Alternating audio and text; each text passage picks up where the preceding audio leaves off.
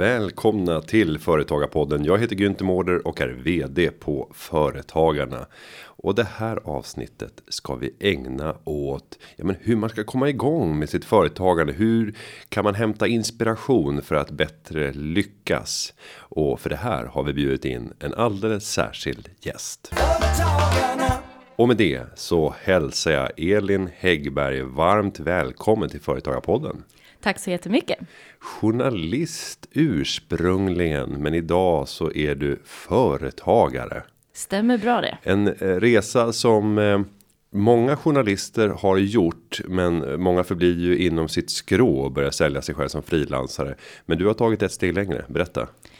Ja, men jag kände att eh, det skulle ta så otroligt eh, lång tid och hårt jobb att eh, ta mig inom liksom, den traditionella journalistsvängen till att få skriva och prata om det som jag kanske brinner mest för. Eh, och det är ju eh, tekniken i vardagen, att hjälpa människor att bättre förstå liksom, den digitala verklighet vi lever i och ge mycket liksom, konkreta tips och vägledning hur man kan få ett lite enklare, lite roligare digitalt liv. Eh, och eh, då tänkte jag att ja, men jag har ju alltid varit intresserad av bloggar, jag har alltid läst bloggar, jag tycker det är ett jätteintressant fenomen. Eh, och så kände jag att så här, men jag tror att det finns en öppning här, där jag faktiskt skulle kunna driva min egen plattform, istället för att försöka sälja innehåll till andras. Utan driva min egen plattform och på så vis eh, kunna intressera företag som vill samarbeta med mig genom eh, så här bloggreklam eller bloggsponsring. Och eh, få andra uppdrag som helt enkelt skulle kunna göra det till mitt heltidsjobb. Så det var så jag tänkte i alla fall. Och när blev det heltidsjobb? Det, jag började jobba helt eh, heltid med bloggen, ska vi tänka här, hösten 2017. Mm. Så det är ju lite mer än två år sedan. Om vi då tittar på ursprunget när den här tanken började gro i huvudet på den här journalisten som då var på Sveriges Radio. Ja, och börjar tänka att jag vill starta mitt eget. Eh, den processen, vill du beskriva hur såg den ut och under hur lång tid hände det här? Ja, men det började egentligen i att jag, jag hade ett företag, en enskild firma vid sidan av studierna under ganska lång tid, där jag gjorde grafisk design och webbdesign, någonting som jag var ganska självlärd på och som jag hade framför allt mycket kompisar som är musiker, som behövde hjälp med skivomslag och hemsida och sådana saker. Och jag kunde det lite grann, så var det så här, ja men då började jag ta en liten slant för det liksom. Eh, och då tänkte jag aldrig att jag skulle liksom driva företag på heltid, utan då såg jag det som en sidogrej.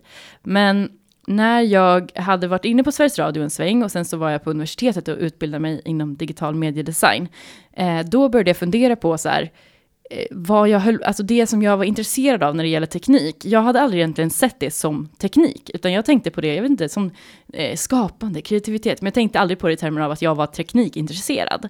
Eller att jag egentligen var duktig på någonting med teknik. För jag kände inte igen mig i liksom, teknikjournalistiken som jag såg runt omkring mig. Jag läste inga tekniktidningar eller teknikbloggar, för de tilltalade inte mig. Och eh, när jag började fundera på så här, ja men okej, jag är jätteintresserad av det här uppenbarligen, men jag vänder mig inte till de här eh, medierna som finns. Varför är det så? Varför, varför kan jag inte identifiera mig med det här? Och då började jag fundera kring just jämställdhet inom teknikbranschen och sådär och började undersöka det och såg att det var en väldigt stor ojämställdhet inom teknik. Eh, att eh, i teknikbranschen i stort så är det ungefär 80% män, 20% kvinnor som jobbar. Och i teknikjournalistiken när jag kollade men vilka är det som läser de här tekniktidningarna så var det kanske 10-15% kvinnor, resten män. Och det var i huvudsak mest män som skrev dem. Och så tänkte jag, men vi lever ju i en värld där alla använder teknik. Och jag tycker det är jättespännande med digitala verktyg och tekniken just som verktyg för att mitt kreativa skapande. Vart kan jag inspireras om det här? Och där såg jag helt plötsligt det här hålet på marknaden som bara öppnade sig. Och eh, parallellt med det så finns ju den här strömmen av influencer marketing och liksom bloggare som gör det till sina karriärer och sådär. Och jag liksom såg hur de här två, två vägarna liksom bara kombinerades i någonting där jag såg att ja, men här kan jag verkligen göra någonting. Jag har min journalistiska bakgrund, jag har det här intresset, jag har sett det här hålet som finns och jag skulle kunna fylla det. Och när jag såg det, då fastnade den här idén i mitt huvud att jag ska starta en teknikblogg som ska vara med snygga bilder, den ska vara med en personlig avsändare, den ska rikta sig till alla som inte heller kanske ser sig som teknikintresserade men som ändå vill lära sig. Och, eh, men jag gick och tänkte på den där idén i över ett år innan jag ens vågade berätta det för någon. För att det kändes så konstigt att komma och säga liksom, att jag ska starta en blogg som mitt jobb. För det kändes fortfarande väldigt som en väldigt konstig grej att göra. Men jag kände så starkt för den här idén, jag kunde bara inte släppa den. Men jag gjorde väldigt mycket research. Hur bygger man upp en blogg? Hur får man läsare? Hur tjänar man pengar? Hur ska man tänka? Jag gjorde målgruppsanalyser. Jag gjorde en sån här business model canvas över liksom hur ska jag tjäna pengar på det här? Vilka olika eh, kunder ska jag vända mig till? Alltså företag som jag vill samarbeta med för att få det här att bli faktiskt ekonomiskt gångbart. Så mycket research tog det innan jag faktiskt startade igång. Men det låter som en enormt metodisk eh, uppstart. Skulle du beskriva dig själv som en väldigt metodisk person även i ditt tidigare värv som, som journalist? Kände du igen dig? Ja, jag tror att när jag jobbade som journalist så handlade det väldigt mycket om nyfikenhet. Och det gör det egentligen i mitt företagande också. Att jag är väldigt eh, nyfiken på hur andra gör, jag är nyfiken på hur det funkar. Eh, och jag är väldigt nyfiken på just de här nya typerna av företag som kommer upp. Liksom, I och med internet, i och med sociala medier så uppstår det nya möjligheter. Och där har jag alltid varit väldigt nyfiken på. Så nyfikenheten är det som driver mig mest. Och sen en vilja att lära mig så mycket som möjligt och sen försöka pussla ihop det. Och det är väl där metoden kommer in sen, att jag försöker ta allting som jag tar reda på, allting som jag hör, allting som jag ser och sen försöker jag omsätta det i någonting konkret. Hur skulle jag kunna strukturera upp det här på ett sätt så att det faktiskt eh, eh går ihop på något sätt i slutändan. Um, ehm, men jag tror att det är någonting som jag har haft med mig väldigt mycket från, från liksom, eh, journalistiken, det är ju att göra research och eh, ta reda på mycket grejer om det man vill berätta om. För ska man berätta om någonting på ett enkelt sätt så måste man veta väldigt mycket mer själv.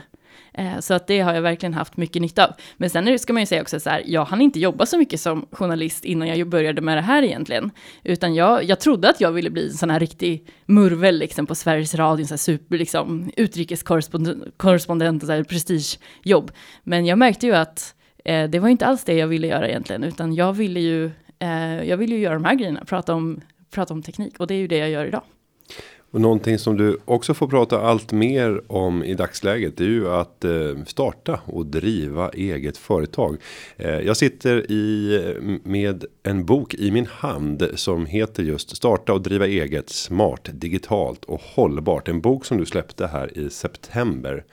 Eh, jag misstänker att en hel del av de erfarenheter som du skördade under den här uppstartsperioden finns med här och säkert mycket mer därtill. Hur skulle du beskriva den här boken? Ja, men jag kände att när jag har bloggat om min företagsresa så har jag fått väldigt mycket frågor från många som känner en stor osäkerhet kring vad innebär det att starta företag? Hur gör man? Vad ska man tänka på? Hur tar man betalt? Och jag kände igen mig så mycket själv, för jag har också haft de frågorna och därför har jag också känt en vilja att dela med mig av det jag har lärt mig, för jag upplevde att det var inte så himla lätt att komma eh, och säga, men jag vill starta företag på det här sättet, med de här, det här är det jag vill göra.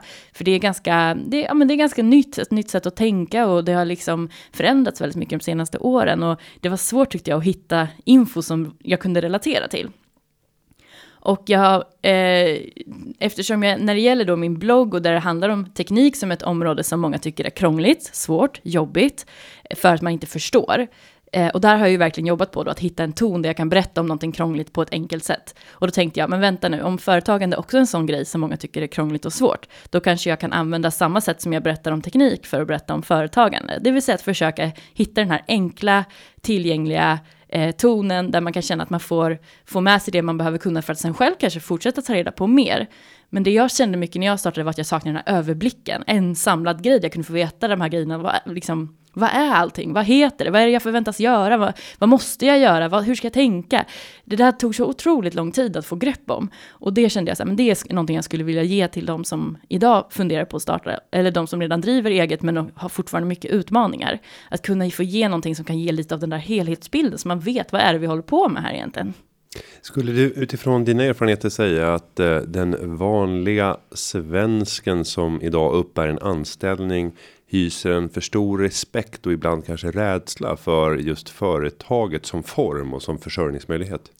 Jo, men jag tror att man gör det. Och, och, jag kan bara säga utifrån min egen erfarenhet att när jag startade min första enskilda firma för att ta lite betalt för de här grafisk designuppdragen, då visste jag verkligen ingenting. Alltså, mitt utgångsläge var noll, för jag kände ingen, det var ingen, ingen av mina föräldrar driver företag, jag kände ingen som gjorde det på det sättet. Och jag hade, all, jag hade aldrig pluggat någon kurs i det eller gjort sånt här UF-företag, jag hade ingen koll. Och det gjorde ju att när folk sa så här, ja ah, men du ska ha så här F-skattsedel, jag bara, vad är det för någonting? Vad är F-skatt? Jag, alltså jag fattade verkligen ingenting. Moms, vad är det?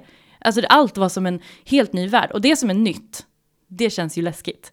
För att man känner att man har inte kontroll över situationen. Och då när det gäller företagande så ser man ju, jag tror att många kan känna sådär, man tänker här, men jag sätter mig själv i så stor risk, jag sätter andra i stor risk. För att man ser framför sig att man, liksom, pengar ska bara försvinna åt en massa håll och man har ingen koll och man vet inte vad som händer och helt plötsligt ska det komma någon skattesmäll som man inte har någon koll på. Man är rädd för att eh, göra bort sig, man är rädd för att misslyckas. Eh, och man kanske, alltså har man inte jobbat i en säljande roll, då känns ju det, kan ju det också kännas väldigt främmande. Men nu måste jag ju, om jag ska driva företag, måste jag be andra att betala mig pengar för någonting. Jag måste sälja. Jag känner mig inte som en säljare. Och så liksom fastnar man i alla de där grejerna. Och jag tror att det handlar just mycket om att det känns oklart, det känns osäkert. Och då drar man sig för det, för det blir sånt himla kliv ut i osäkerheten. Liksom. Eh, men vad kan man göra för att eh, övervinna den där känslan av det oövervinnliga eller det okända? Är det att eh, sätta sig och plugga teorin, läsa en bok om det? Vad är dina bästa tips för att faktiskt eh, komma sig för att eh, ta tag i det här om man är en dröm om att faktiskt starta bolag? Jag brukar ge tipset att man inte, alltså är man inte en risktagande person, i övrigt. Då behöver man inte heller vara en risktagande företagare. Du behöver inte gå från noll till hundra, utan jag försöker uppmana att man ska börja testa sin idé innan man eh, ens kanske kommit så långt att man har investerat några pengar i det alls. Eh, och det, där är ju internet och sociala medier ett sånt bra verktyg. För någonstans handlar det ju om att testa att se, kan jag nå dem som jag vill nå med det jag tänker mig att jag ska sälja? Och det kan ju vara precis vad som helst. Men någonstans handlar det om så här, du måste nå kunderna du vill nå. Eh, sen om det är via Instagram eller en Facebookgrupp eller genom att mejla till specifika personer eller träffa folk i den fysiska världen, det spelar inte så stor roll. Men någonstans handlar det om att testa och se, finns det ett intresse, har jag tänkt rätt här? För då kan du börja i en säkerhet istället av att jag vet att det finns en efterfrågan. Jag vet att jag har några kunder på vänt. Eh, och jag kanske kan börja på halvtid, jag kanske kan börja på deltid och bygga upp det långsamt.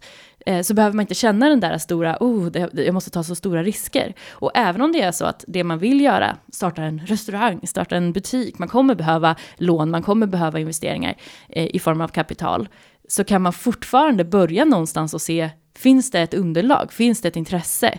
Är det här någonting som, som, som folk kommer vilja eh, vara med på? Eh, så kommer man kunna känna sig säkrare och då behöver det inte bli så läskigt. Så det är liksom det jag försöker få människor att förstå, att det behöver inte vara det här stora klivet, utan man kan börja ta ett litet kliv och sen ett litet kliv och sen ett litet kliv.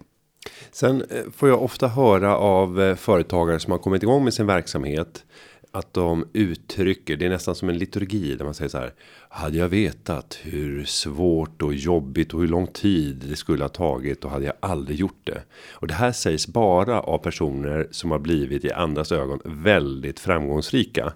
Eh, tror att det stämmer eller är det bara en ett sånt förhållningssätt som man ska ha i Sverige om man har blivit väldigt framgångsrik i andras ögon? Ja, men jag tror att det finns nog en, eh, jag tror att man känner när, man, när människor ser en som framgångsrik, då är det så lätt också att de bara ser framgångarna. De ser bara eh, när man har gjort liksom, eh, när någonting har gått väldigt bra och man ser inte allt jobbet som ligger bakom, man ser inte alla misslyckanden som oftast ligger också på den där vägen. Det är så lätt att vi tänker företagande som en linjär linje som ska gå upp eller ner, upp eller ner och så är den på väg mot något högt mål där högst upp liksom i grafen.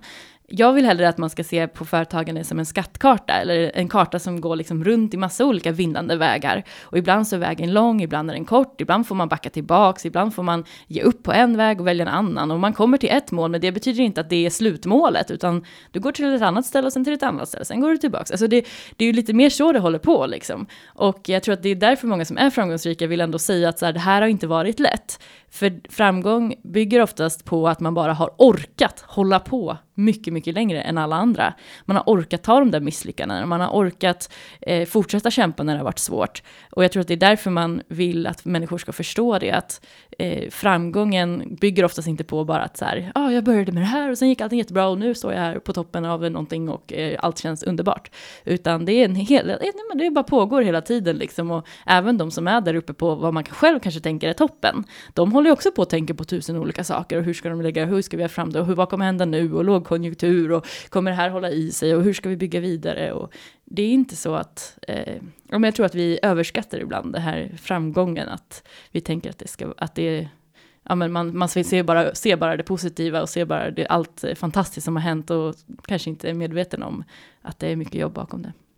Det, det påminner mig om vad jag har lärt mina barn. Då säger jag att du har aldrig förlorat förrän du har givit upp. Och eh, du kan alltid fortsätta. Eh, det där har jag fått äta upp som förälder ganska många gånger. Eh, när man vill avsluta någonting och tycka att nej men nu är det färdigt. Nej, jag ger inte upp, jag ger inte upp. Eh, men företaget handlar ju lite grann om det här. Det här maratonloppet, att verkligen vara uthållig, att orka kämpa. Eh, för sen kan det ju och det ser jag många företag som jag är ute och träffar där det nästan har varit så här tröstlös eh, vandring inledningsvis innan det har lossnat innan man har hittat rätt. Då är vi på den här skattkartan igen. Eh, men jag förstår ju samtidigt alla alla orosmoln och dubier som finns längs vägen när man undrar är jag på rätt väg? Om du tittar på din egen resa då. Det här är ju inte självklart. Det är ju ingenting som exploderar över en natt utan det här bygger man successivt. Eh, när var det du började inse och såg att men här har jag hittat rätt och har det funnits tillfällen där du har gått vilse i den här skattkartan fullständigt? Ja, men jag upplever att när jag eh, valde att liksom släppa, för då hade jag lite sådär deltidsjobb på Sveriges Radio fortfarande och så drev jag företaget och, eh, och hade, kände liksom, jag hade ju tryggheten där och skulle jag verkligen våga släppa den. Och när jag väl valde att släppa den så gjorde jag det egentligen lite sådär att jag tänkte att men jag kommer nog aldrig kunna försörja mig 100% på det här om jag inte lägger 100% av min tid på att göra det. Alltså jag måste tvinga mig själv att pusha mig lite längre och inte ha stödhjulen kvar liksom. Och då var det ju jätteläskigt såklart för att jag kände att ja, men om jag inte drar in tillräckligt med pengar nu, då kommer jag ha misslyckats och då kommer alla tycka att jag är jättedum eller någonting. Um, och jag eh, var väl, hade, man la sig sådär med lite oro i magen och tänkte, ah, okej, okay, den här månaden kanske går ihop, men jag har ju inte så många uppdrag nästa månad och hur kommer det gå och sådär. Eh, och, och, det är klart att det kändes, det kändes i magen liksom. Men den där känslan driver, driver ju också på, det eldar ju på att man ändå också då får nästan en sån där Eh, ja, men man, man, i, i, ren överlevnadsinstinkt så börjar man ju tänka på ett visst sätt också. Eh, så på det viset kan det också vara positivt. Och det har jag hört många andra också som säger att det var inte förrän jag kastade mig ut helt och släppte bryggkanten. Det var då det lossnade, för då började jag tänka på riktigt som en företagare. Då börjar man tänka i termer av jag måste dra in de här pengarna för att det här ska gå runt. Eh, men det som jag gjorde och som jag tror väldigt många frilansare gör, det är ju att man springer på alla bollar. Alltså alla förfrågningar som kommer sitter och tänker, ah, ska jag göra, hur ska jag göra, uh, ska jag göra den där grejen? Och så fort någon säger, ah, gör du det här? Säger man, jajamän, ja visst, visst gör jag det. Ja, det kan vi fixa. Och så sitter man där med tusen olika uppdrag och så börjar man känna, vad håller jag på med ens? Var det det här jag skulle hålla på med? Eh, och det kände jag att jag höll på med de där första liksom, månaderna, att jag kände att jag sprang på alla bollar. Och det jag gjorde efter ett tag, för då kände jag att jag tappade lite av den här ursprungspassionen i det jag gjorde, för jag kände att nu gör jag ju inte det där som jag ville göra. Så då började jag eh, renodla lite mer, så tänkte jag att jag måste våga plocka bort grejer, jag måste våga rensa bland allt det här mm, liksom, eh, suset som är här, för att öppna upp för att göra det jag faktiskt vill göra. Och någonting som jag har använt väldigt mycket, det är också att berätta vad jag vill göra. För det är väldigt lätt att man sitter och tänker så här, ja nu gör jag det här och det är det jag tjänar pengar på, men det jag egentligen vill göra är det här. Så säger man aldrig det till någon och då kommer ingen tänka på en heller i de sammanhangen. Så när jag till exempel ville starta en podcast, då började jag med att säga, jag vill starta en podcast, jag vill starta den här typen av podcast. Om jag ska kunna göra det så kommer jag behöva eh, någon typ av uppbackning i form av investeringar, sponsorer för att det här kommer ta mycket tid. Eh, men liksom det är det jag jobbar mot. Och det gjorde ju att mans, människor som läste det här, deras hjärna började ju tänka då, ah okej, okay. och sen så när de liksom, när någon börjar prata om podcast då, eller i något sammanhang, eller du vet, man pratar, då finns ju, finns ju den där tanken, ah, men Elin, hon höll ju på med, hon ville ju göra en podcast, hon sökte ju investeringar i det, okej, okay, kan vi göra någonting där? Och sen så hände ju det faktiskt. Samma sak med boken, jag började med att skriva, jag vill skriva en bok, är det någon som har tips på vad, hur jag ska gå tillväga? Och det gjorde ju att eh, ja, en person tänkte på någonting och sen så fick jag en kontakt med förlaget och på, det vis, på den vägen var det. Så att jag tror att mycket handlar om det där, att våga sortera bort och våga säga nej och våga berätta, vad vill jag egentligen göra? Och det där är väl sånt där tips tänker jag som man kan ha med sig även i sitt eh, personliga jag. Att att vara tydlig med vad det är man vill. Nu eh, så här kring årsskiftet så brukar det nu är det inte så många som röker längre, men men det brukar alltid vara det där att att folk ska sluta röka nu kanske det är snusa, sluta snusa. Och det bästa man kan göra är att berätta för andra vad man tänker göra för att man surrar fast sig vid masten. Eh, och lite så är det väl här också att både att visa sin intention men också att uttala inför andra vart är jag på väg?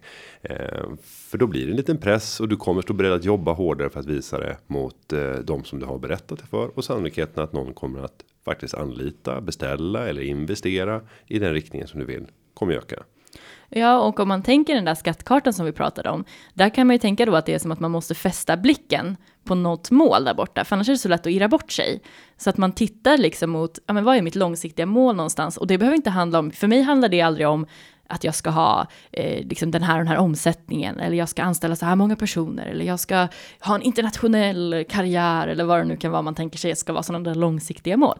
Utan jag har istället fokuserat på hur vill jag känna, hur vill jag må i mitt företagande? Och då har jag varit väldigt så här, ja men det som jag strävar efter, det är en stabilitet ekonomiskt. Det vill säga att jag inte har ont i magen på kvällen och funderar på hur jag ska, eh, om jag kommer kunna ta ut lön. Utan att liksom, jag ska känna mig stabil i det. Och sen så kreativitet. Jag vill kunna vara kreativ när jag jobbar. Jag vill kunna skapa någonting som känns värdefullt. Jag vill kunna ha den här kreativa processen som är det jag liksom brinner för. De två sakerna, det är liksom mitt mål. Så då när jag går på den här vägen och så kommer det upp olika förslag och någon säger, ja, ska du inte gå in på den här vägen, ska du inte gå in på den här vägen? Då kan jag titta på mitt mål och så tänka, leder den här vägen närmare det målet? Kommer jag, om jag gör det här, är det stabilitet och kreativitet? Då kanske jag säger, ja det här kommer ge mycket stabilitet, men det kommer ta bort kreativitet. Ja men då är det kanske inte rätt för mig. Även om det känns konstigt att säga nej till pengar, så får man ändå göra det och tänka, ja men det är ju dit jag är på väg. Så jag tror att eh, det är ändå bra att liksom ha det där klart för sig, göra lite soul searching och bara se vad är det jag faktiskt strävar mot. Och om vi går och tittar på alla tips som du ger i boken så är ju en av de här sakerna det är ju att stresstesta sin affärsidé. Vad, vad kan man göra för att se om den här idén har en bärkraft? Vad är dina tips? Ja, men jag tycker att man ska om det är eh, någonting som man känner att man ändå så kan uttrycka i innehåll, alltså det vill säga, eh, men jag, om man ger ett exempel, jag tror att jag ger det här exemplet i boken, att man vill erbjuda trädgårdstjänster till villaägare i sin hemort. Då eh, kan man ju till exempel börja med att se, då, ja, men kan jag för det första nå villaägare i min hemort? Hur ska jag nå dem på något bra sätt? Och sen så är frågan då, hur ska jag nå dem kring det här problemet som jag föreställer mig att de har? För att om jag tänker att jag ska sälja trädgårdstjänster, då förutsätter jag att de här personerna vill ha trädgårdstjänster. De har en trädgård, de orkar inte sköta den, eller de vill ha hjälp. Och så måste man tänka då, ja men hur mycket tänker jag mig att de, vilken typ av hjälp, hur mycket och hur ser de på det här problemet? Vad är det de vill få ut av att få den här hjälpen? De vill ha en fin trädgård utan arbete eller de vill spara tid för de har andra intressen eller vad det nu kan vara liksom. Och sen så, så kan man ju då till exempel eh, starta upp sig ett Instagramkonto eller en blogg där man kanske ger till exempel enkla trädgårdstips till exempel. Eller man eh, börjar erbjuda en liten, man testar att göra en liten grej. Så, men i sommar har jag lite tid över. Då kan jag testa att bara lägga lappar i brevlådan på villorna i det här området och se om det är någon där som skulle vilja ha eh, kanske en konsultation om rabattplantering eller vad det nu är man tänker liksom. Eh, bara för att testa och se liksom, men är det någon som nappar på det här? Och är det så, säg att det är två personer, jag lägger brevlådor i, lapp i brevlådan på, och det är två personer som nappar på det. Då ska man ju verkligen tänka så här, okej, okay, de här två personerna, där har jag någonting, liksom, här, någonting jag har sagt här har ju fastnat. Och då ska man ju verkligen jobba på, hur kan jag bygga relation nu till de här två personerna, så jag kan liksom få höra deras tankar här. Så att man verkligen, ja men kanske frågar, kan jag, eh, kan jag få er mejladress? Kan jag, eh, så kanske jag kan mejla er om jag har fler idéer och fråga, ja men hur tänker ni kring er trädgård? Vad, eh, vad tycker du är det jobbigaste med trädgården? Vad tycker du är det roligaste? Om du skulle köpa in tjänster, vad skulle du, vad skulle du vara villig att betala? Vad skulle du vilja få hjälp med? Och det kanske bara är två personer till en början, men då har du i alla fall börjat någonstans och fått lite input.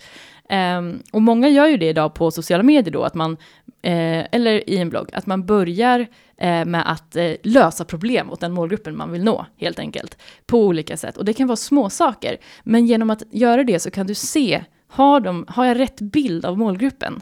Eh, och det, det var en, en, annan podd som jag var med i och det sa han som intervjuade så smart, för han sa, ja, eh, men det är ju ganska bra för att om du inte kan nå dina kunder nu, hur ska du nå dem när du har någonting att sälja?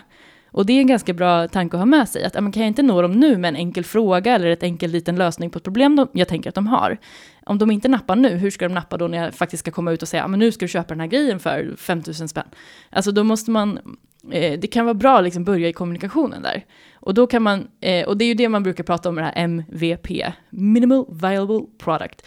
Eh, och någonting som, det är ju någonting som tech startups är väldigt bra på, det vill säga att man, man börjar smått Man börjar med en grej. Man kanske har en jättestor idé, men jag ska, vi ska liksom, jag ska ha en trädgårdsbutik och jag ska ha egna, eh, massa egna personer, vi ska ta över hela kommunens trädgårdsskötsel. Man kanske har jättestora, men så tänker man, ja, men vi börjar i något litet som vi kan testa nu, liksom. Eh, utan stora risker, utan att det behöver kosta jättemycket. Eh, för då lär vi oss någonting. För oftast så skulle jag säga att det är, man har oftast mycket fel i hur man tänker om sin målgrupp.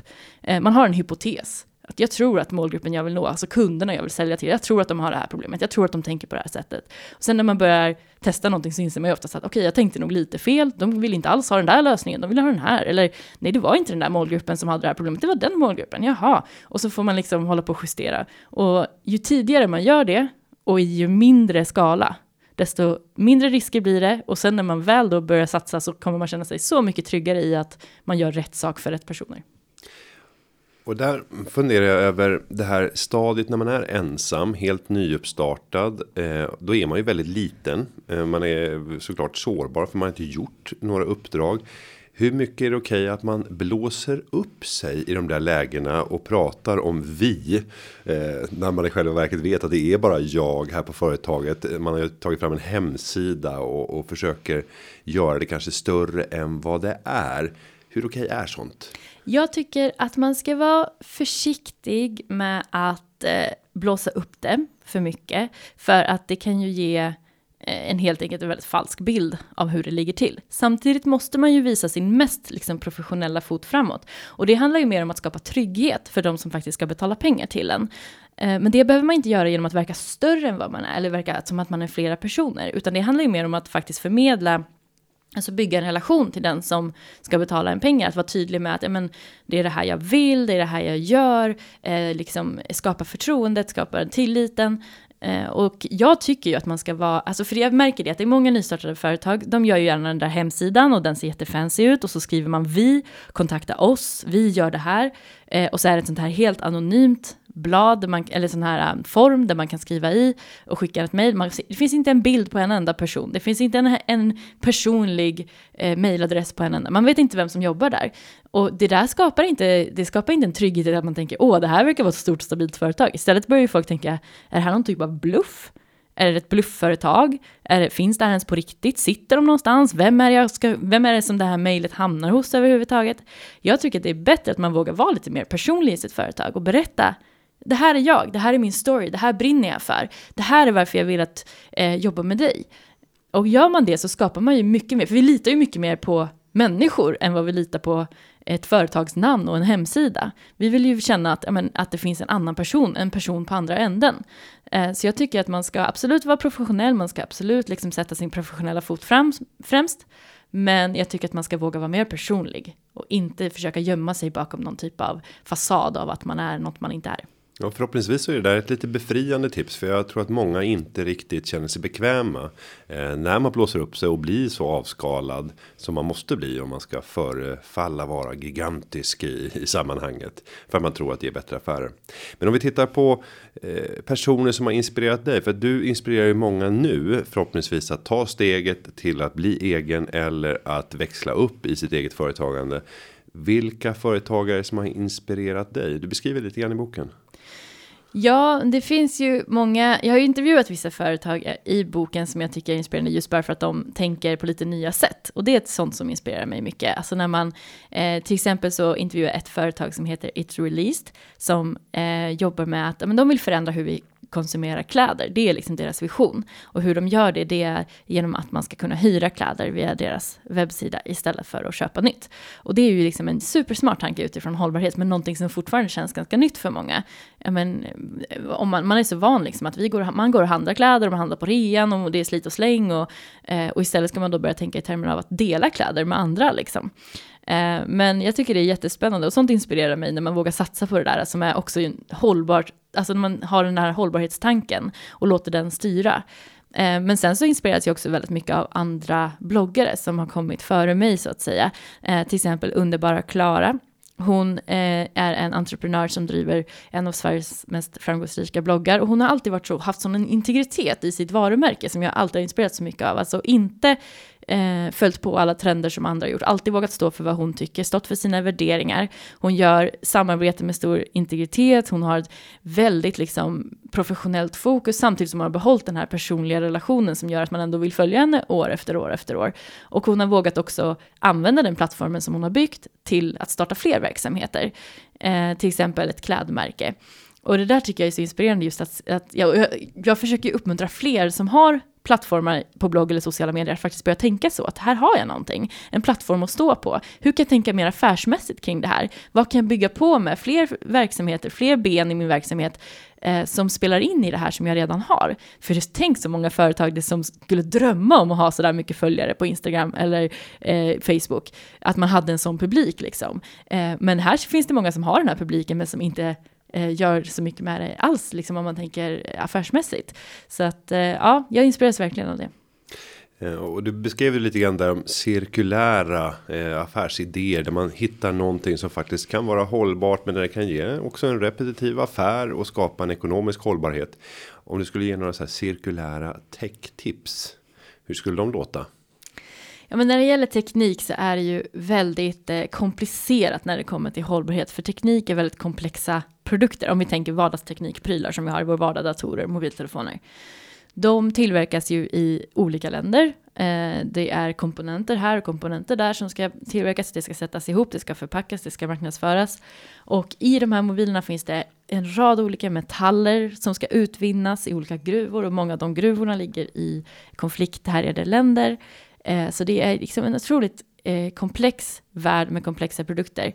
Och det, idag så finns det liksom egentligen inget hållbart sätt att, att, konsumera teknik på. Så det vi kan göra som konsumenter, det är ju att försöka använda vår teknik så länge som möjligt. Och att man kan tänka i termer av istället för att köpa nytt, eh, köpa begagnat. Det finns ju mycket begagnad teknik där ute man kan köpa. Det finns många, och det kommer allt fler företag som eh, tar in eh, gamla telefoner, restaurerar dem och säljer dem igen. Och det är ju supersmart företagsidé också för att då kommer ju liksom, du får ju den här eh, produkten som redan har varit såld innan, du får den kanske billigt, du kanske rent av får den gratis och sen så kan du sälja den igen. Det är ju liksom supersmart. Och, eh, och då kan man också sälja den då lite billigare så för konsumenten kan det också bli väldigt attraktivt liksom. Eh, man kan också tänka i termer av att man kan låna, allting kanske man inte behöver köpa. Eh, om det är så att man, eh, behöver, man vill ha hemmabio en kväll, ja, men du kanske inte behöver köpa en egen projektor som sen ska stå i en garderob och damma, utan du kan använda en app som till exempel Hygglo, där du, människor, privatpersoner kan lägga ut saker som man kan få hyra av dem för en liten kostnad. Så kan du få allt möjligt kul liksom för en kväll eller en vecka när du behöver det. Och sen kan du, ja, lämnar du tillbaka, sen kan någon annan hyra den, så kan man dela på grejerna liksom. Eh, och sen är det viktigt tycker jag också att man verkligen tar hand om den tekniken man köper. Att man ser till att göra ett bra köp, så man köper något som verkligen passar för ens behov, inte lockas av liksom, erbjudanden eller låga priser, utan man tittar på vad behöver jag? Eh, vad kommer mest liksom, vara en funktion för mig? Och sen så se till att faktiskt vi tar hand om vår teknik, att vi inte eh, behandlar den som slit och släng-grejer, utan att vi verkligen ser det som det här är någonting nu jag ska försöka ha i flera år. Och det handlar om att rensa bland filer, det handlar om att eh, uppdatera operativsystemet, det handlar om att göra en ordentlig liksom, vårstädning av tekniken då och då. Att liksom eh, torka av den, damma av den, torka ur den, liksom, se till att den eh, håller sig fräsch så länge som möjligt. Det är det bästa vi kan göra idag. Om vi tittar på trender då och blickar framåt nytt år 2020. Du var inne lite grann på det här att eh, att hyra, låna av varandra. Eh, jag har ju hört trender och trendspanare som har uttalat att eh, en stor del av framtiden kommer att handla om att äga så lite som möjligt men ha tillgång till väldigt mycket. Och det är ju hela den här delningsekonomin av olika slag och varianter men hittills har jag inte riktigt sett så mycket av den. Vi ser den på enskilda moment där det har slagit igenom. Men det finns så mycket större potential. Tror att 2020 kan vara ett år då vi faktiskt kommer att på ett helt nytt sätt se att den här typen av business och också den typen av företag kommer att kunna vinna mark. Ja, men jag tycker jag ser en stor förändring i hur vi som konsumenter börjar tänka kring de här sakerna. Men samtidigt gäller det att man också har ett kritiskt öga med sig för att en del sådana här saker som har kommit många tech-startups som pratar om delningsekonomi, har inte en hållbar affärslösning i grunden. För att man, det är egentligen inte det som är fokus, utan det, det, det, är en typ av, ibland kan det bli en typ av greenwashing, det vill säga att man försöker använda miljövänlighet i sin marknadsföring. Men egentligen så Eh, så är inte själva idén hållbar. Så man ska alltid utgå från så här, vilket problem löser den här affärsidén? Löser den här ett problem, ett verkligt problem som jag har? Eller försöker den skapa ett nytt problem som jag inte hade och försöker få mig att betala för det? Så det tycker jag ändå man ska ha med sig, man ska vara lite kritisk. Men jag tycker mig se att eh, vi börjar efterfråga nya lösningar på nya sätt. Eh, jag tror att vi kommer också behöva tänka på det ännu mer och jag hoppas ju att det kommer komma ännu mer också krav ovanifrån så att säga, från politikerna i form av lagar och, och sådana saker eh, som ställer högre krav på vad man får sälja och hur, hur de produkterna ska vara, att priser justeras efter vad saker verkligen kostar och så vidare, för då kommer det bli mycket mer attraktivt med de här eh, cirkulära lösningarna. Så att jag tror att även om vi kanske inte kommer se liksom en cirkulär revolution just 2020 så tror jag att den kommer verkligen, verkligen kicka igång nu. Och jag tror att många fler, alltså ett företag som startar 2020 måste tänka in hållbarhet från starten. Annars kommer man ha svårt tror jag att eh, bli tillräckligt attraktiv och stå ut från mängden. Men det är fortfarande också väldigt mycket öppningar och är man den som är först inom sin bransch med en cirkulär lösning, med en hållbar lösning, så kommer man få en sån skjuts marknadsföringsmässigt. Så det är ju också ett himla tips, eh, för att det här är ju någonting som, som det pratas otroligt mycket om just nu.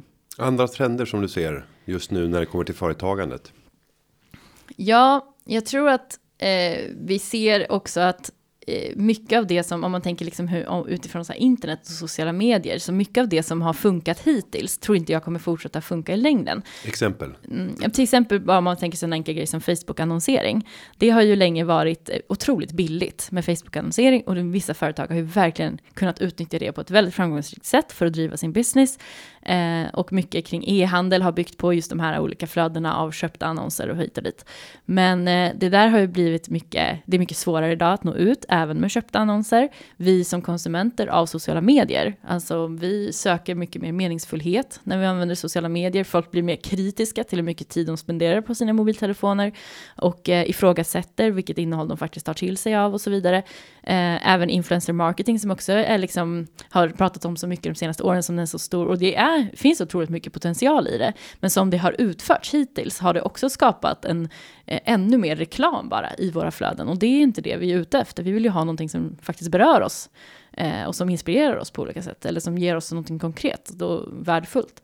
Så att eh, jag tror att många liksom, eh, av de här företagen som kanske har gått väldigt bra för, som har använt sig av de här metoderna, de kommer behöva titta på eh, nya sätt att tänka tror jag. För att eh, vi, kom, vi behöver mer verkligt värde i eh, företagandet. Så det tycker jag man ska fokusera på, sina grundvärderingar och hur man faktiskt ger verkligt värde till sina kunder. Men om vi tar det här digitala eh, säljarbetet där eh, många framgångsrika företag har byggt sin framgång på en effektiv kommunikation i sociala medier.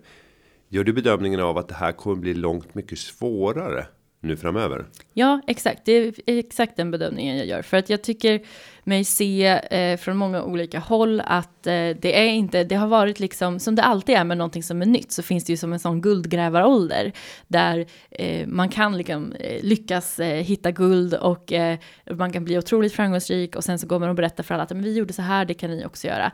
Eh, men så ser det inte ut idag, för det är inte längre den här guldgrävaråldern. Saker har stabiliserats på andra sätt. Eh, det börjar bli mer regler, det börjar bli mer lagar som styr hur man, vad man får göra och hur man får göra. Eh, och det gör gör ju att nu, nu kommer vi kanske, vi kanske kommer in i en ny guldgrävarålder, men på ett annat sätt.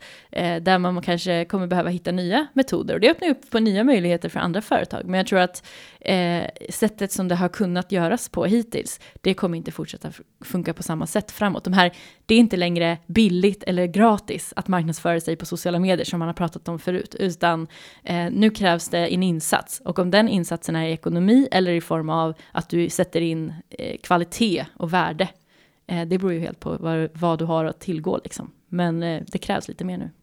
Som företagare i en sån värld där det blir mer komplicerat att tränga ut och kunna sälja via sociala medier. Eh, vad är det man kan rusta sig med för kunskaper för att eh, ha högre sannolikhet att lyckas ändå? Egentligen så är det ju inga nya kunskaper, utan det är egentligen att gå back to basics tror jag mycket. Det vill säga att bygga på kundrelationen. Eh, det är liksom huvudfokuset. För har du en god relation till dina kunder, då kommer du kunna ha kontakt med dem oavsett vilken plattform ni väljer att vara på. Och om du hela tiden ser till att du skapar ditt eh, erbjudande utifrån dina kunders behov så kommer det inte spela så stor roll eh, hur, hur liksom den här kontakten sker. Ehm, men det är ju egentligen inget nytt, utan det är ju egentligen kanske jätte, jättegammalt eller sådär. Men det, det bara handlar om att se att det, det är det viktigaste. Och för har du den eh, kontakten så kommer ju dina kunder vara motiverade att välja dig i de sammanhang Eh, för det är mycket det det handlar om, att du kan inte liksom tränga dig in i deras sfär, utan du måste få dem att välja dig. Eh, så att eh, jag tycker man ska, om man ska plugga på om någonting så är det väl i så fall så här, relationsbyggande, kommunikation, eh, var, eh, målgruppsanalys, liksom de här gamla traditionella grejerna egentligen. För det tror jag kommer bli nyckeln. Mm, ja, det där är nog ganska skönt för många att höra att det fanns ett värde i det gamla, det traditionella, det kundnära, förståelsen för den som faktiskt ska köpa din tjänst eller produkt. Nu eh, sitter säkert många lyssnare förhoppningsvis och undrar hur kan jag få tag i boken starta och driva eget smart digitalt och hållbart. Vad gör jag det om jag vill beställa den? Du kan gå in på min blogg teknifik.se om man vill köpa ett signerat ex av mig. Annars så kan, finns den på alla vanliga bokaffärer, Adlibris, Bokus, Akademibokhandeln. Så det är bara att gå ut och leta. Ja, med det så vet ni var ni kan få tag i Elin Häggbergs bok. Och då så sa ju du tidigare att man ska ta sikte på ett mål i framtiden och berätta för andra vad man har tänkt göra för att öka sannolikheten att det ska slå in. Som avslutande fråga, vad är det du fäster blicken på inför framtiden? Ja, men jag har fäst blicken på att jag vill eh, göra verklig skillnad. Alltså jag vill inte bara eh, prata om saker på ett ytligt plan, utan jag vill ta reda på saker och jag vill skapa saker som faktiskt kan göra skillnad för människor, både nu och i framtiden. Sen exakt hur jag kommer göra det, det håller jag lite för mig själv än så länge. Men eh, det är där jag har satt mitt fokus. Och kanske är det någon som får en idé nu och kontaktar Elin för att diskutera hur man skulle kunna göra det här. Ja, idéer kommer oftare att eh, uppstå. Kontakter kommer skapas om man är öppen och tydlig med vad man vill. Men det stort tack för att du kom till Företagarpodden. Tack snälla för att jag fick komma hit. Och jag ska avslutningsvis säga att Eh, det här avsnittet har förberetts av David Hagen och eh, ni får gärna läsa mer tips på företagarna.se där vi har samlat en mängd smarta tips när det gäller att starta och driva bolag. Klippningen den är gjord av Petra Chu. Vi hörs igen nästa vecka. Ha det så gott. Hej då!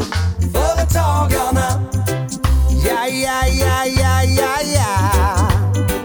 Företagarna yeah, yeah, yeah, yeah.